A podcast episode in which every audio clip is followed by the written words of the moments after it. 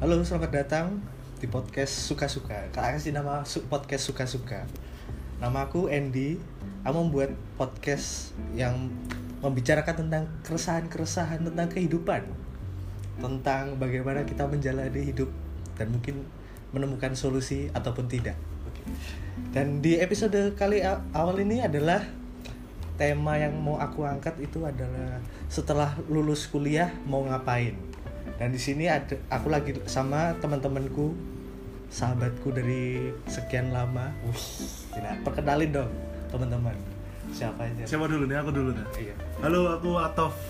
Nah, ini kita temenan udah lumayan lama. Sekarang satu lagi. Eh, saya Gopal, temenan dari SMP sih. Iya, oke. Lumayan lama. Eh, jadi aku mau ngomongin tentang lulus kuliah mau ngapain. Nah, gini, kan kita pada kuliah semua nih ya. Kuliah. kita lagi pada menjalani apa Perkuliahan. perkuliahan. Nah, aku posisiku masih mahasiswa eh, terdaftar dua- 2013 dan 2019 belum selesai. Belum lulus. belum lulus belum lulus dan hal itu aku eh, di, dikarenakan ya aku mungkin karena males iya emang males ya kan.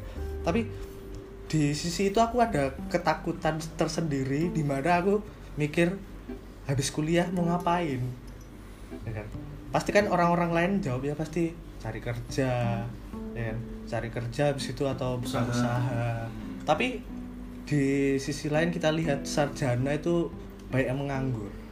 Nah itu ketakutanku muncul di situ dan aku menjalani kuliah selama enam tahun ini berarti Iya, itu ya tahun. mencari iya enam tahun ya sorry. Mencari- mencari jati Apa? diri. Iya. mencari jati diri kan bener kan? Ceritain dulu deh kamu Hmm, kalau kuliahmu sih- kuliahmu dari mana aja Nah, ke mana mana aja? lulus 2013 lulus SMA aku daftar kuliah di negeri di Surabaya.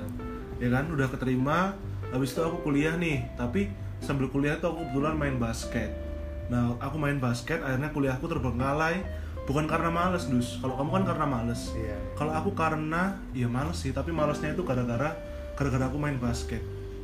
Jadi kayak- intinya kita di sini seorang pemalas semua. Iya. Enggak sih gopal enggak kayaknya Iya. ya boleh Nah, lanjut deh. terus habis itu ya otomatis waktu 2000 ini kok malah cerita nggak apa ya ini? Ya, nggak apa-apa cerita lah Nah, cerita ya kita ya kan? eh, sharing sharing. Ah, terus akhirnya ah, aku terbengkalai tuh kuliah tuh 2013 terus waktu akhirnya di negeri itu aku keluar dari negeri. Terus aku daftar kuliah lagi tahun 2018 itu aku daftar di swasta. Terus sampai sekarang sekarang 2019 ya?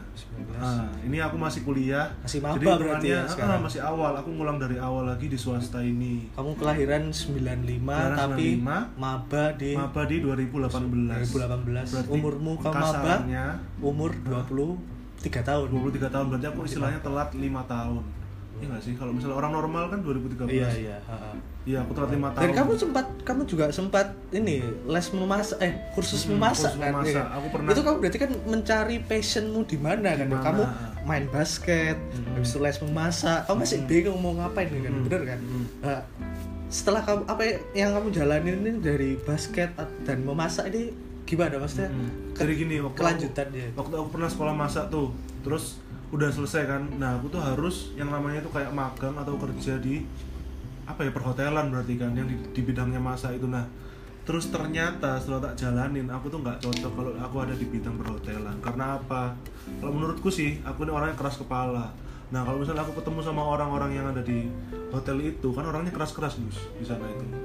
keras keras gimana keras-keras maksudnya kayak kamu pernah kayak di Master Chef itu nggak sih yang kayak marah-marah nah di senioritas, gitu. senioritas. iya Tapi kan itu orang pasti ada senioritas di situ. Kita sebagai anak baru, eh anak baru belagu Hmm, lo. iya, Kan kayak gitu, gitu. kan. Kebanyakan Pasti kan kayak gitu. Heeh. Ah. tapi kalau di sana itu lebih jauh lebih parah daripada itu bener-bener kayak wis aku kayak kayak bahasa Jawa itu apa nggak gaduh ya di sana itu nggak gaduh Kakak tuh apa? nggak gaduh tuh nggak ketemu nggak bisa diterusin tuh kayak sama-sama keras Oh, gitu, iya, iya. namanya nggak gaduh Ah. gitu terus habis itu aku kuliah nih sekarang dan sekarang ya wis aku menjalani proses. Maksudnya aku pernah telat dan aku mikir kayak ya udah sih mending telat daripada enggak sama sekali. Karena aku pengen punya pegangan di mana mahasiswa itu nih kalau lulus sarjana dia punya ijazah yang bisa dibuat buat daftar kerja. Kamu Nah. kuliah sekarang ambil jurusan apa? Aku ambil jurusan hukum di swasta ini. Dan pokoknya tujuanku jadi tujuanku sama kayak orang-orang lain yang dia kuliah. Tujuannya buat apa? Buat punya ijazah sih kebanyakan kayak gitu karena- dari ijazah S1 oh punya ijazah jadi bisa ngelamar kerja di mana pun. Hmm, hmm, hmm, di mana pun karena itu menurutku pegangan. Ah. ya wes mainstream sih pemikiranku biar kayak gitu. Walaupun nanti pada akhirnya juga aku nggak tahu mau kerja di mana. Oke oke. wes kayak gitu sih kalau aku. Kalau teman kita yang satu ini gopal kok diam aja dari tadi. Ngomong dong. Ayo pak masih benerin favor cerita. gimana nih cerita kamu tentang perkuliahan? Kamu ya kan- dulu sih sempet aku kan juga lulusan 2013 nih ya. Dulu sempet aku sempet di untak ya dulu ya. Hampir ya dapat 6 semester lah ambil psikologi terus. Sebenarnya tuh aku pengen masuk ITS ITS industri tuh. Aku udah pengen banget dari dulu. Satu lah sih ya satu. Satu industri. Aku nyoba nyoba itu. Nyoba nyoba selama setahun tapi tetap nggak nggak keterima. Ternyata keterima aku di aku ngambil apa tuh kalau nggak SBM tuh? Yang undang eh apa mandiri? Ya mandiri. Mandiri mahal kan? Mandiri itu aku nyoba di ini komunikasinya uner. Hmm. sama perpajakannya uner yang D3 dua-duanya keterima cuman di satu sisi aku juga daftar di PPNS PPNS itu Politeknik Perkapalan Negeri Surabaya lah. Apa namanya?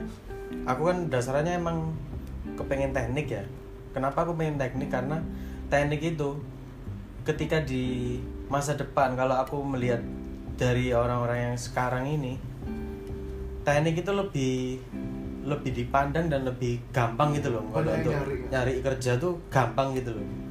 Karena dia tuh dasarannya tuh di setiap perusahaan tuh butuh gitu loh. Anak teknik tuh pasti dibutuhkan gitu loh. Kalau mungkin sekarang kayak manajemen atau akuntansi tuh udah terlalu banyak di negara-negara tuh udah terlalu banyak gitu kalau teknik itu masih dibutuhkan sih kayak gitu. Eh, kamu kan berarti kan dari sebelum kuliah sebelumnya ambil jurusan psikologi Nah. habis itu beralih ke teknik ya kan Iya, makanya pas aku psikologi selama 6 semester itu aku ngerasain kayak bukan passionku gitu loh kalau di psikologi. Makanya aku lebih prefer ke teknik. Makanya aku nyoba. Ya pas aku alhamdulillah keterima di PPNS itu. Satu dua semester sih emang aku nggak ngerasain enaknya kuliah teknik. Berat emang teknik itu. Tapi setelah kalau kalau kamu niat walaupun kamu yes agak males atau agak agak nggak punya apa ya nggak pinter-pinter banget kalau kamu niat pasti bisa lah ke teknik kayak gitu. Eh, jadi fun fact aja ya. Di di antara kita bertiga di sini yang lagi ada di sini yang udah lulus cuman Gopal ini aja yang di Yang sekolah teknik, teknik, iya, sekolah teknik. teknik. Hmm. emang kan kuliah teknik sebenarnya emang susah ya kan Hmm, susah. kuliah teknik susah dan dia lulus berapa tahun empat setengah empat setengah tahun aku jurusan fisip sosial politik enam tahun belum selesai di mana passionku ini ya kan belum menemukan yang terang. Ah, iya belum nemu titik terang masih titik gelap. Ini Gelap terus. gelap oi. Ya nah, tapi aku juga mikir kalau mau ikut orang ya itu pasti kita akan berawal dari nol adaptasi. adaptasi lagi. Kita harus belajar lagi dan mungkin eh, jurus jurusan yang aku pelajari di perkuliahan nggak nggak akan sesuai dengan pekerjaan nanti yang aku dapatkan. Misalnya banyak aja di lulusan fisip aja yang setelah selesai kuliah lulus kuliah kerjanya di bank. Kan nggak nyambung. Nggak nyambung ya sekarang. Mereka harus belajar lagi tentang dunia bank tentang ekonomi. Akuntansi kayak Nah, gitu-gitu kan. iya eh, hitung-hitung kan. Itu kan di- kita kan di ilmu sosial nggak ada perhitungan tentang keuangan ya kan? Tapi mereka kerja di bank. Lalu eh, ada lagi yang kerja jadi sales marketing kan kalau sales marketing mungkin masih nyambung kan karena Ngomong. ke, Jualan, kepandaian jualan. kepandaian berbicara kita di Ah. situ diujinya di pekerjaan itu tapi gini masalahnya eh, setelah aku menelisik diriku sendiri ditelaah ya ditelaah diri menelaah diriku sendiri out eh, mungkin eh, ke depannya aku sendiri pengen eh, mengembangkan usaha aja. Kalau misalnya aku berarti gimana caranya kita bisa menemukan celah? Eh, ya pada intinya tetap ke mata pencaharian sih gimana cara nanti lulus gimana caranya Bertahan bisa hidup ya? bertahan hidup. Bener. Orang kalau hidup kan pasti nyari duit kan zaman sekarang ya kamu nggak bisa ngapa-ngapain kalau nggak ada duit sedangkan kamu biar kamu hidupmu bisa berlanjut itu kan pasti kamu butuh duit. Jadi kalau sekarang sih aku harus mikir gimana caranya celah kan gimana caranya celah itu biar aku bisa dapat duit nanti kalau misalnya udah lulus ya kan. Nah berarti gimana nih? Nah aku kan kuliahnya ini hukum nih. Berarti nanti mungkin setelah lulus aku mungkin bakalan eh, mungkin aku jadi advokat sih. Yang segala yang tentang perdata itu masih dibutuhin sih sekarang. Wes gimana lagi caranya? Maksudnya eh, ini udah mengerucut ke sebelah sini ke bidang yang tak pelajari sekarang tuh ya. Berarti aku nanti berarti akan cari duit dari bidangku sendiri itu. Tapi kalau kamu misalnya tadi ngomongin peke- apa pekerjaan datang karena kita untuk proses bertahan hidup diri kita Mm-mm. sendiri. iya. Tapi kalau kamu cuman bertahan hidup kamu nggak memikirkan untuk sebuah kesuksesan Tapi kalau misalnya bertahan hidup kamu bisa makan satu hari tiga kali itu mungkin sudah cukup ya kan Hmm. tapi kan kebutuhan kita nanti kede- buat ke depannya pasti akan lebih banyak lagi ya kan dan gimana cara kita mendapatkan itu kan harus menjadi sebuah kesuksesan kalau misalnya kalau kamu jadi advo- advokat Hmm, mungkin kamu iya. akan jadi advokat yang ter terbaik ya kan Mm-mm. yang jadi yang terkenal terbaik ya kan Hmm. jadi kamu bisa memiliki pasarmu itu berarti pada intinya tetap ke kerja keras di apa pun yang kamu lakukan. Itu bener gak sih kalau? Iya, terus aku mau tanya nih dus. Eh, bekerja di passionmu atau bekerja di bukan passionmu tapi punya duit banyak? Tapi kamu nggak passionmu bukan di situ. Kamu pilih mana? Nih pertanyaanku tak ulang ya. Eh, kamu kerja sesuai dengan passionmu tapi uangnya sedikit. Jadi begini, passionmu dan kamu nyaman di situ, tapi penghasilanmu itu sedikit. Sedikit. atau kamu milih di kerjaan yang bukan passionmu. Dan kamu nggak nggak seneng nyaman. di situ tapi kamu dapat uang banyak. Kamu pilih mana? Kalau aku sih lebih nyaman ke passionku.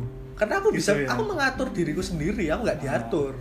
Gitu. Ya, dia tipe yang kayak gitu. Kalau aku aku tipe yang bukan passionku tapi aku bisa dapat duit di situ soalnya maksudnya kayak ya zaman sekarang ya tetap itu tadi sih nyarinya juga tujuannya kayak itu tadi iya harus punya Oh, banyak uang ya Iya. Kita harus kita harus mengesampingkan passion kita, kita harus out of the box dari Hmm. passion kita. tapi kan kalau itu mem- membuat kamu nggak nyaman gimana kamu menjalaninya dengan Tapi happy kamu loh. itu akan membuat kamu stres malah Iya, tapi banyak loh zaman sekarang. Kamu kalau kenal temen-temenmu banyak yang kayak gitu. Maksudnya kayak dia mengeluh di pekerjaannya, Iya. bahwa dia nggak cocok di situ. Tapi ya mau gimana lagi gitu, dia dapat penghasilannya dia besar di situ.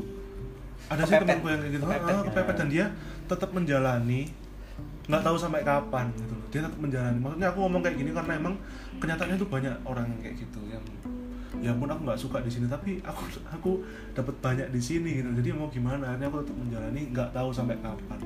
Tapi ada juga orang yang tipenya kayak kamu dus yang dia kalau di tempat dia kerja dia nggak cocok dengan passionnya dia pasti akan nggak lanjut di situ. Pasti dia akan nyari tempat lain yang wah ini aku banget ini kerjaannya.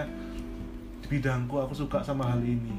Walaupun penghasilannya kecil. Contoh nih kayak misalnya ada orang di basket ada banyak orang yang di basket tuh misalnya kayak contohnya pelatih atau apa. Passionku di sini nih. Tapi aku nggak bisa dapat uang banyak di sini. Nah itu tipe yang orang tadi yang bekerja sesuai dengan passionnya tapi penghasilannya kecil. Ya, jadi nah. dua-duanya tetap masih ada sih di zaman sekarang. Ya udah sampai situ aja oh, obrolan suka-suka kita di podcast ini. Aku Andy. Aku Atof. Aku Gopal. Ya kita pamit undur diri. pamit Ya, formal banget. pamit atret dikit. formal banget ya udah